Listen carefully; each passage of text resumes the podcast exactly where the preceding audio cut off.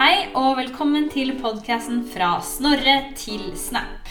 Jeg heter Mina Mann. Og jeg heter Victoria Billington Selvold. Vi er begge lektorer i norsk og fransk, og jeg, Mina, jobber på en ungdomsskole, og Victoria jobber på en videregående skole på Østlandet. Formålet med denne podkasten er å forberede dere til eksamen i norsk. Og vi håper at podkasten er en enkel og nyttig måte eh, hvor dere kan lære dere det viktigste innenfor pensum i norskfaget. Både mens du baker, rydder, trener, prøver å sove, eller f.eks. på bussen. Dette er en podkast som er nyttig for alle VGS-elever, både de som har om et spesielt tema akkurat nå i norsk, men mest av alt for dere som skal opp til eksamen i norsk, både elever og privatister, og som syns pensum i norsk kan være ganske stort og overveldende. Eller kanskje du bare vil svare riktig på 1000-kronerspørsmålet på quiz, brife med intellektuell kunnskap i vennegjengen, eller rett og slett bare er interessert i norsk språk og kultur. Uansett, vi håper at du lærer noe, og at du blir klar til eksamen.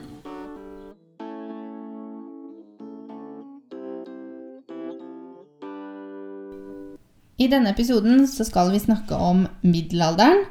Både hvordan samfunnet så ut eh, i middelalderen, men mest av alt om kunst og litteratur i middelalderen. Middelalderen i Europa regnes fra ca. år 500 til ca. år 1500. I Norge så regner vi med at middelalderen kom ca. midt på 1000-tallet, etter vikingtiden. De periodene som kommer før og etter middelalderen, er antikken i forkant og renessansen etterpå. Så Mina, hvordan så middelalderen ut? Ja, dette var en veldig lang periode. Eh, varte jo i 1000 år. På begynnelsen av perioden så var det ganske ustabile politiske forhold etter Romerrikets eh, fall. Var mange folkegrupper på vandring og mye uro i Europa. Eh, pavekirken den vokser seg ganske raskt eh, sterk. Eh, vi får et føydalt statssystem i Europa. Det er godseiere, adel og riddere som har eh, makten i samfunnet. Og byene de begynner å vokse. Det begynner å komme større, flere byer i Europa. Um, og så, på slutten av middelalderen, så blir Europa rammet av pest, den store pesten. Og blir veldig svekket, og det blir også faktisk kirken. Så kirken mister både autoritet og makt på slutten av eh, middelalderen. Og hva kan vi si om samfunnet i Norge på denne tiden, Victoria? Um, på starten, altså tidlig middelalder, så var det jo vikingtid i Norge. Eh, og uh, menneskene i Norge var eh, som regel handelsmenn eller bønder. Og man var opptatt av slekten, og det var et ættesamfunn. Eh, men da Norge ble samlet til ett rike på 900-tallet, så gikk man fra dette ættesamfunnet til å bli et kongerike. I tillegg så kom Olav den hellige og eh, gjorde Norge kristent i, på eh, 1000-tallet. Senere så kom svartedauden som en forferdelig eh, sykdom til Norge. Ehm, og på slutten av middelalderen så gikk vi inn i union med Danmark i 1537.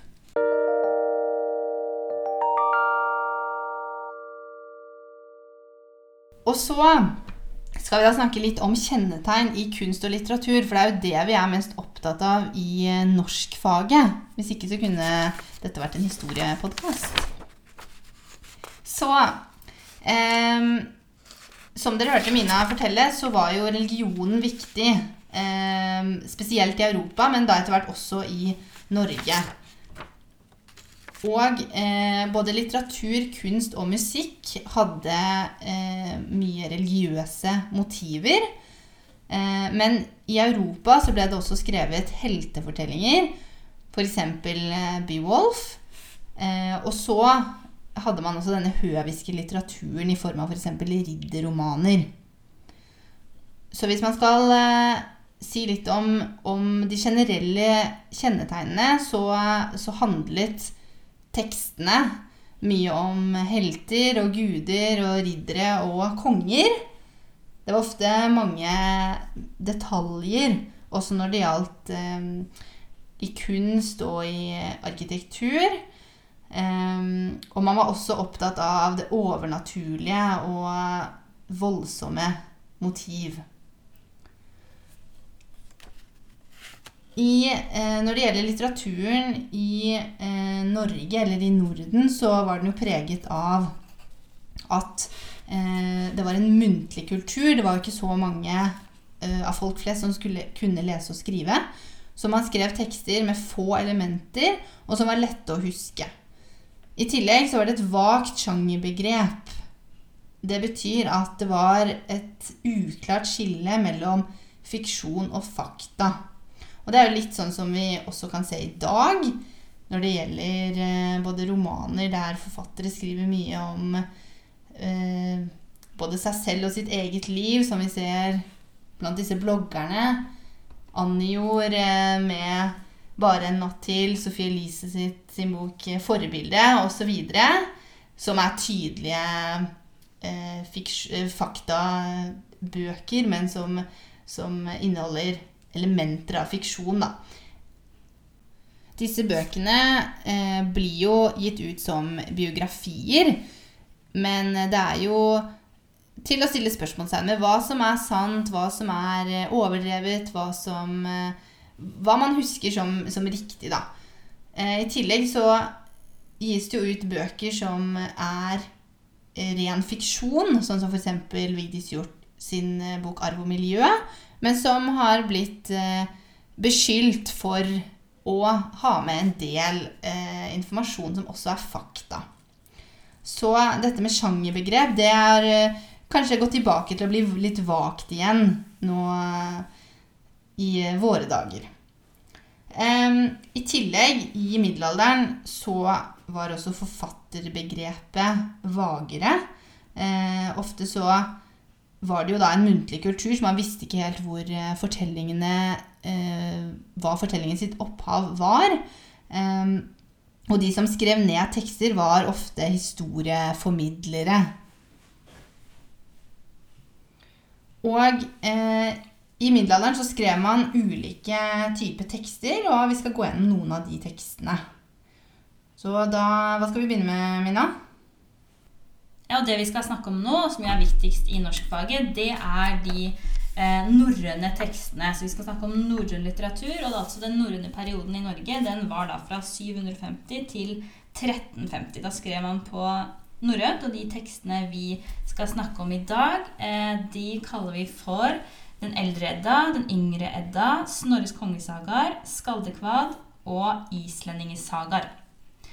Så da begynner vi med Den eldre Edda. Det er en samling av tekster som ble funnet på 1600-tallet, faktisk. Og det er en samling av gude- og heltedikt. Og gudediktene de omhandler da de norrøne gudene.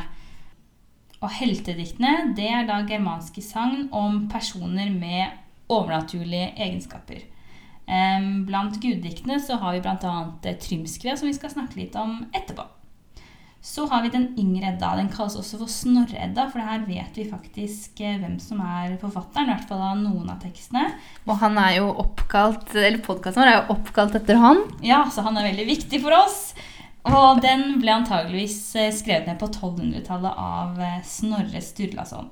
Den yngre Edda den er delt i tre deler. Den ene delen gir oversikt over norrøn mytologi og hele gudeverden. Så her sitter vi med masse spennende info om, eh, og fakta om, eh, og kunnskap om denne norrøne mytologien. Resten av tekstene det er egentlig en slags lærebok i diktekunst. Og så har vi det Snorre kanskje er aller mest kjent for. Det er kongesagaene, eller det som vi også kaller for, kaller for Heimskringla. Og det er en samling av historiene til norske konger helt fram til 1177. Og den kanskje viktigste fortellingen i den samlingen, det er fortellingen om Olav den hellige. Eh, og på mange måter så kan vi si at Snorre er en slags eh, historieskriver. Men det er selvfølgelig veldig vanskelig for oss å vite hva vi kan eh, tro på av det Snorre skriver. Hva er sant, og hva er egentlig fiksjon? Hva slags friheter har han tatt seg? Og vi vet at han brukte veldig mange kilder. Og at han til og med kommenterte disse kildene. Men eh, vi regner med at det også var en del diktning inne i bildet. Så har vi disse såkalte skaldekvadene. Og Skalden det var en dikter. Det var en mann av, Ofte var han en mann av kongens hird. Og hans oppgave var ofte å rose kongen, men også dokumentere hva som egentlig skjedde på kongens mange reiser. Så på en eller annen måte så var han en datidens journalist, kan vi jo kanskje si da. Ja, og eh, da kommer jo da også spørsmålet opp om man kunne stole på disse skaldene. Fordi eh, hvis jeg hadde ansatt en person til å følge meg og skrive om hva jeg gjør, eh, og jeg var konge, og jeg bestemte hans lønn og så videre, så vil jeg tro at han eh, hadde lyst til å rose meg opp i skyene. Um, så kan vi jo tenke på det at i, uh, i dag så kaller vi jo pressen og disse journalistene for den fjerde statsmakten, og i utgangspunktet så skal jo det uh, være objektive um, beretninger om folk i samfunnet. Men det er vel ikke helt eh, tilfellet. Nei, ikke alltid. Eh, men disse skaldene de hadde da veldig høy status på den tiden. De fikk stor belønning. De fikk ofte ringer, de fikk klær av disse kongene på, på turen deres. De diktet også andre type kvad, som kjærlighetskvad og det som vi kaller for nyddikt. Det er en veldig kjent skald som var Olav den hellige skald. Han het Sigvat skald. Eh, og han dukker ofte opp i Snorres eh, beretninger. Skaldene de brukte ulike virkemidler for å, når de diktet. Bl.a. det som vi kaller for heiti og kjenning. og Det skal vi gå nærmere inn på etterpå når vi snakker om Trymskvia. Men viktig for dem var i hvert fall denne veldig faste formen på kvadene, slik at de skulle huskes, og slik at man ikke kunne gjøre om på dem i ettertiden. Um, og så, til sist, så har vi en type tekster som eh, veldig mange av oss kjenner til i dag, og det er disse islendingsagaene, eller ættesagaene. Eh, og De ble skrevet på Island, og som regel så handler det om konflikter mellom de ulike ættene. Det handler om blodhevn og ære. Ofte er det innslag av drømmer, som vi skal se etterpå. Og veldig ofte også så finner vi mange kvad inni disse sagaene. Og kjente sagaer eh, det er Gunnlaug Ormstunge, Njålsaga og Egilsaga.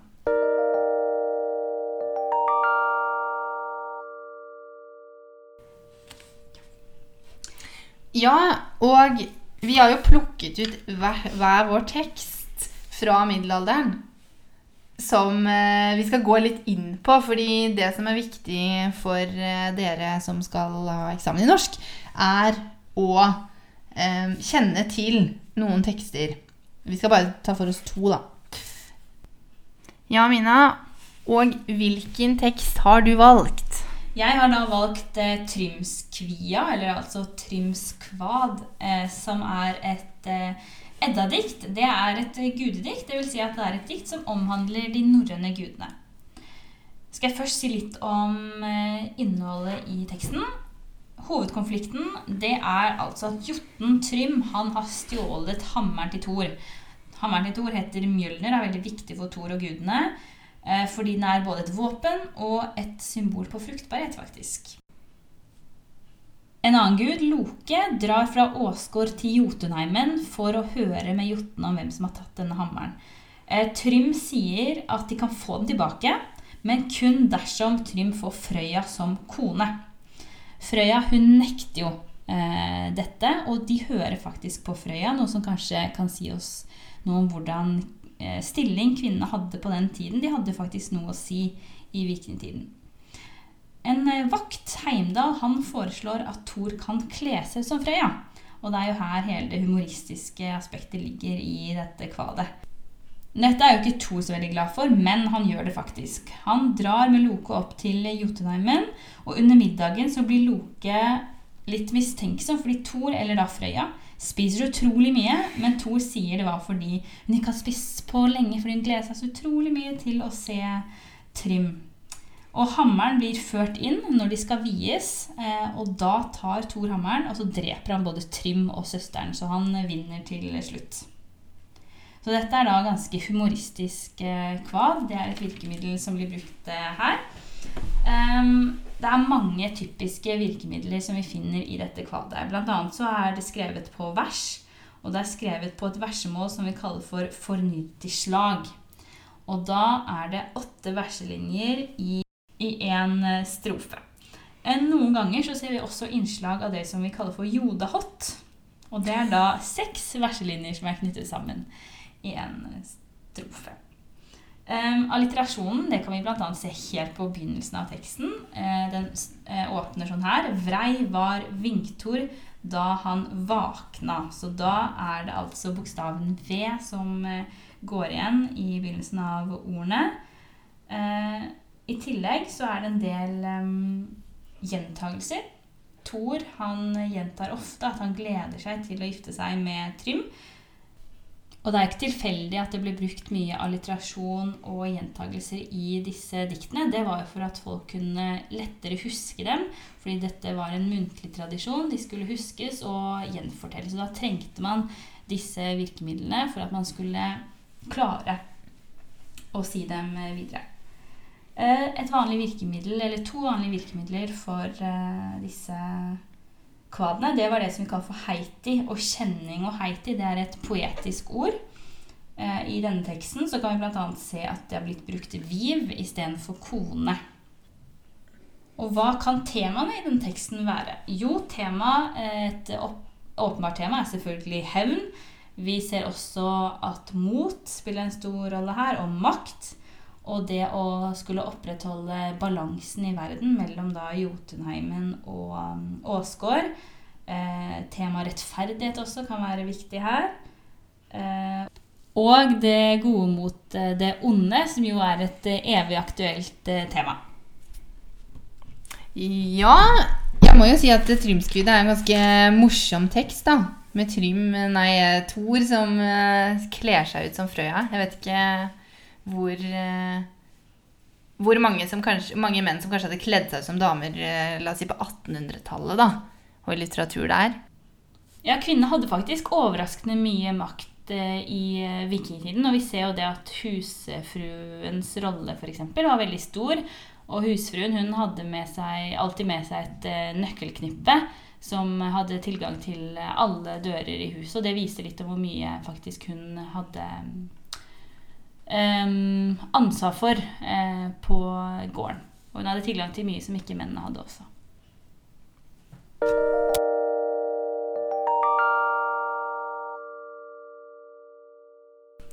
Ja, den teksten jeg har valgt å prate om, er en islendingssaga som Mina nevnte i stad. Gunnlaug Ormstunge. Så jeg skal begynne å si litt om motivet i denne teksten. Eh, det handler da om Det begynner med Torstein og Jofrid. Og teksten begynner på denne måten. Torstein het en mann. Han var sønn av Egil Skallagrims sønn. Sønn av Kveldulv herse fra Norge. Torsteins mor het Åsgjerd Bjørnsdatter. Så her kan vi se hvor viktig ætten er. Mange av disse sagaene begynner med ofte en mye lengre forklaring av eh, egentlig familietreet, da. Så Torstein, han er gift med Jofrid. Og eh, den islendingssagaen begynner med Torsteins drøm. Og han drømmer da om en svane, eh, som da symboliserer datteren som hans kone Jofrid skal få. For de trodde da at drømmer det fortalte noe om fremtiden. Eh, og det som skjer, er at det kommer en ørn som setter seg sammen med denne eh, svanen. Eh, og så kommer det en til ørn, og disse ørnene de begynner å slåss, og begge to dør.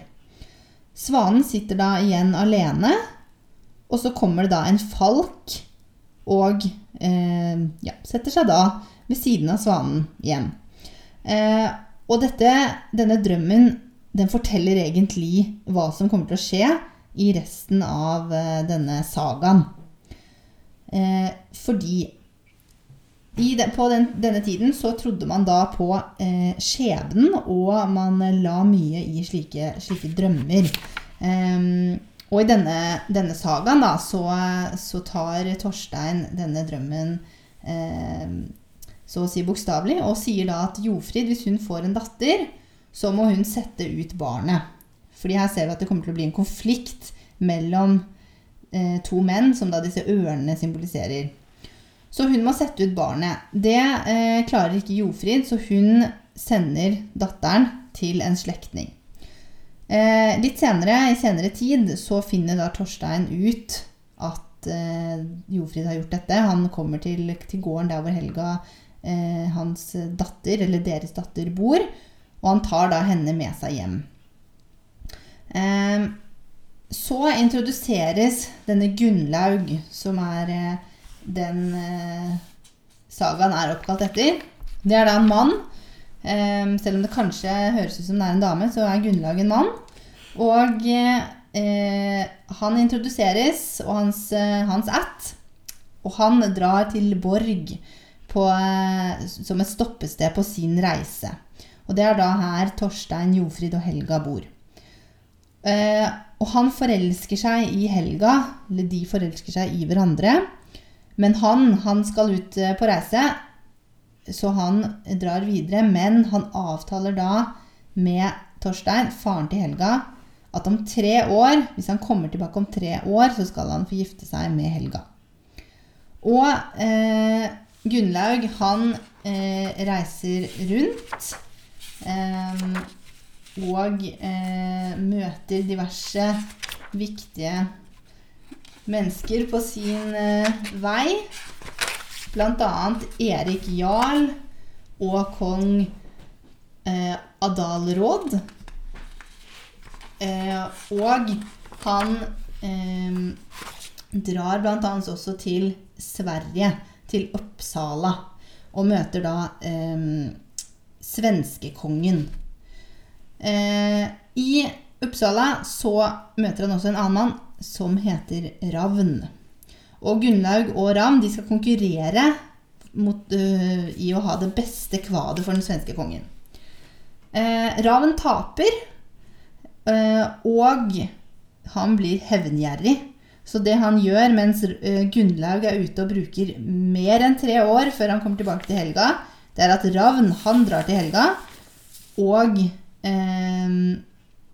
får gifte seg med henne. Og det er fordi Torstein ser jo at han Gunnlaug han kommer jo ikke tilbake på tre år. Så Ravn og Helga gifter seg, og Gunnlaug han er invitert i bryllupet. Eh, merkelig nok. Eh, men han kommer, og Helga vil jo da ha Gunnlaug, og Gunnlaug vil ha Helga. Og Gunnlaug gir henne skarlagenskåpen, som han da har fått av den engelske kongen. Eh, noe som selvfølgelig skaper eh, eh, splid mellom han og Ravn. Så det ender da i holmgang, altså en kamp mellom Ravn og Gunnlaug. Og begge to dør etter den kampen, akkurat som disse to ravnene. Og så ender det da opp med at Helga giftes til Torkil, en helt annen mann. Eh, men hun glemmer aldri Gunnlaug, og hun blir syk, og hun dør med skarlagenskappen over seg. Ja, Så det er motivet i den teksten. Um, og sagaen den er skrevet i typisk sagastil. Det betyr bl.a. at den har en autoral og refererende synsvinkel. Og vi får, ikke, vi får jo vite at eh, f.eks. Helga og Gunnlaug er eh, begeistret for hverandre.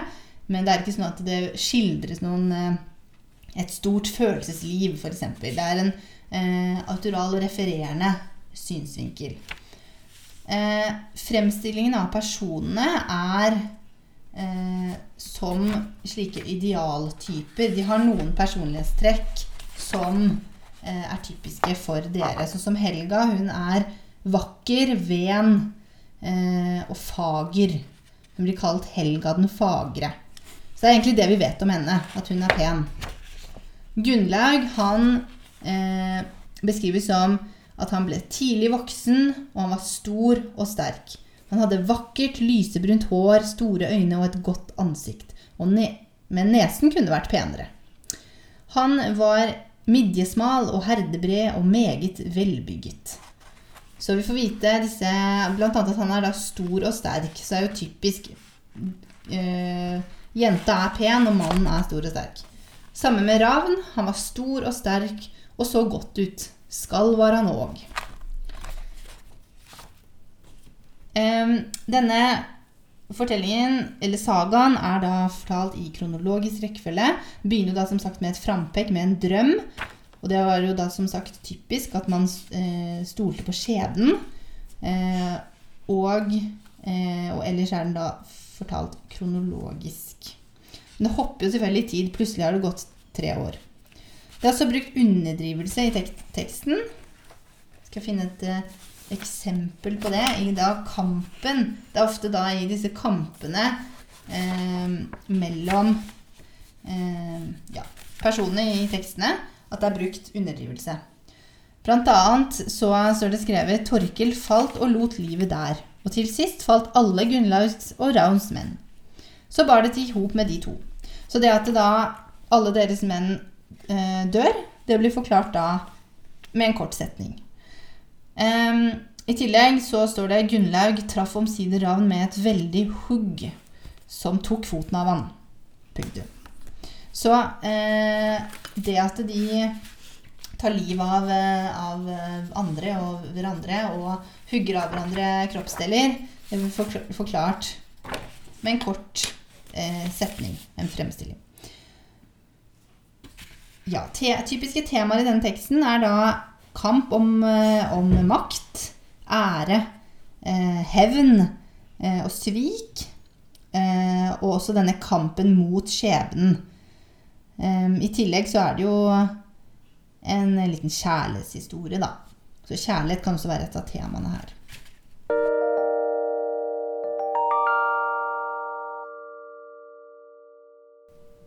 Så de viktigste type tekstene som vi har fra denne perioden, det blir jo da eh, gudedikt, det er heltedikt, og så har vi sagalitteraturen, i tillegg til den høviske litteraturen ute i Europa, alle disse ridderromanene som ble eh, som spredde seg utover i Europa. Noe ble til og med oversatt til norsk i middelalderen, og den kjente fortellingen om Tristan og Isolde ble veldig populær i Norge.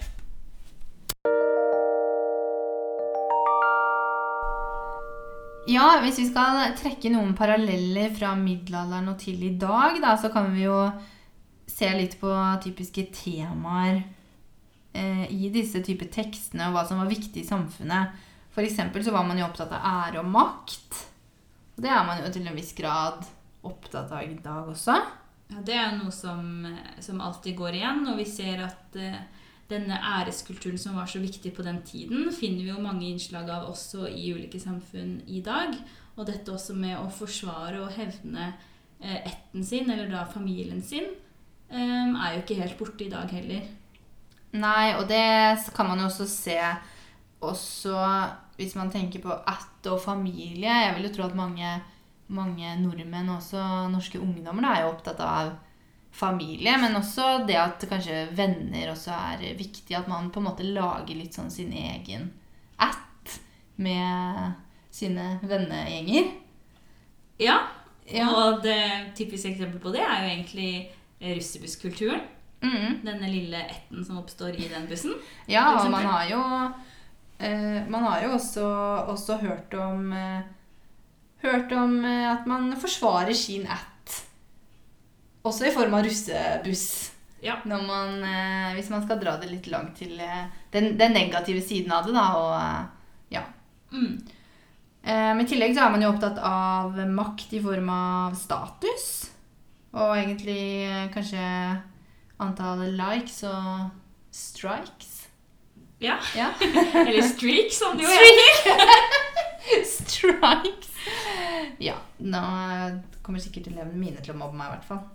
Eh, Men eh, dette, også disse idealene som var eh, tydelige da, dette mannsidealet, at man skulle være sterk og modig, det er jo også idealer vi har i dag, men som jo blir utfordret av karakterer som eh, Skam-Isak, da. Som jo i en episode snakker ganske åpent om følelsen han har til en annen gutt. med vennen sin, da. Og det fikk mye oppmerksomhet, fordi det kanskje ikke er så typisk at gutter snakker veldig åpent om følelser og viser sine myke sider. Mm, og det er jo en, en problematikk som også Helsesista tok opp i Det var vel forrige ukes episode. Eh, om eh, gutter og følelser. Så det var man ikke så opptatt av i middelalderen. Hva disse guttene følte, eller mennene følte når de fikk foten kappa av, eller lignende.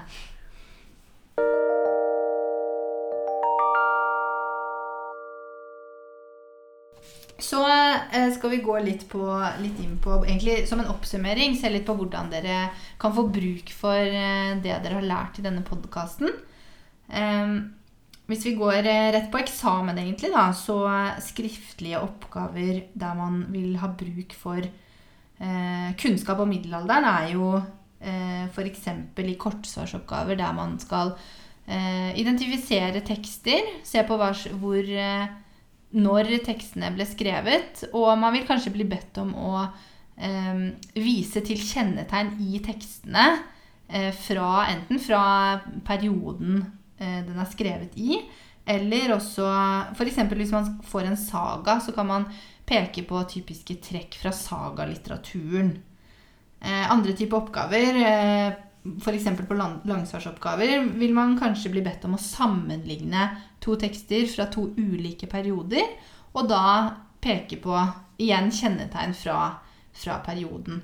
Eh, og da kan man jo trekke inn disse typiske temaene eller eller hvordan, eh, hvordan tekstene blir fremstilt.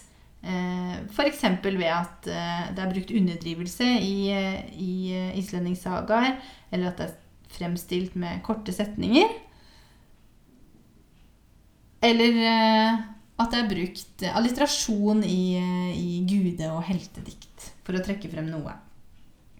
Eh, på muntlig eksamen så altså får man middelalderen som hovedtema, som, som oppgave, så eh, gjelder det å plukke ut én eller flere tekster, og igjen vise til hvordan disse eh, speiler eller sier noe om samfunnet på den tida.